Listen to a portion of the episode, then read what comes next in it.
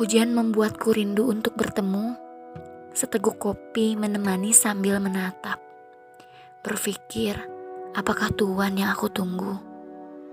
Namun saat aku mulai memahami Tuhan, sepertinya aku salah paham.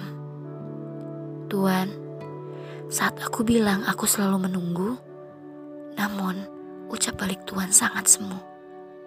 Meski tak nampak dan mungkin tak layak, perih, sakit saat Tuhan mengatakan, jangan menunggu, tidur saja.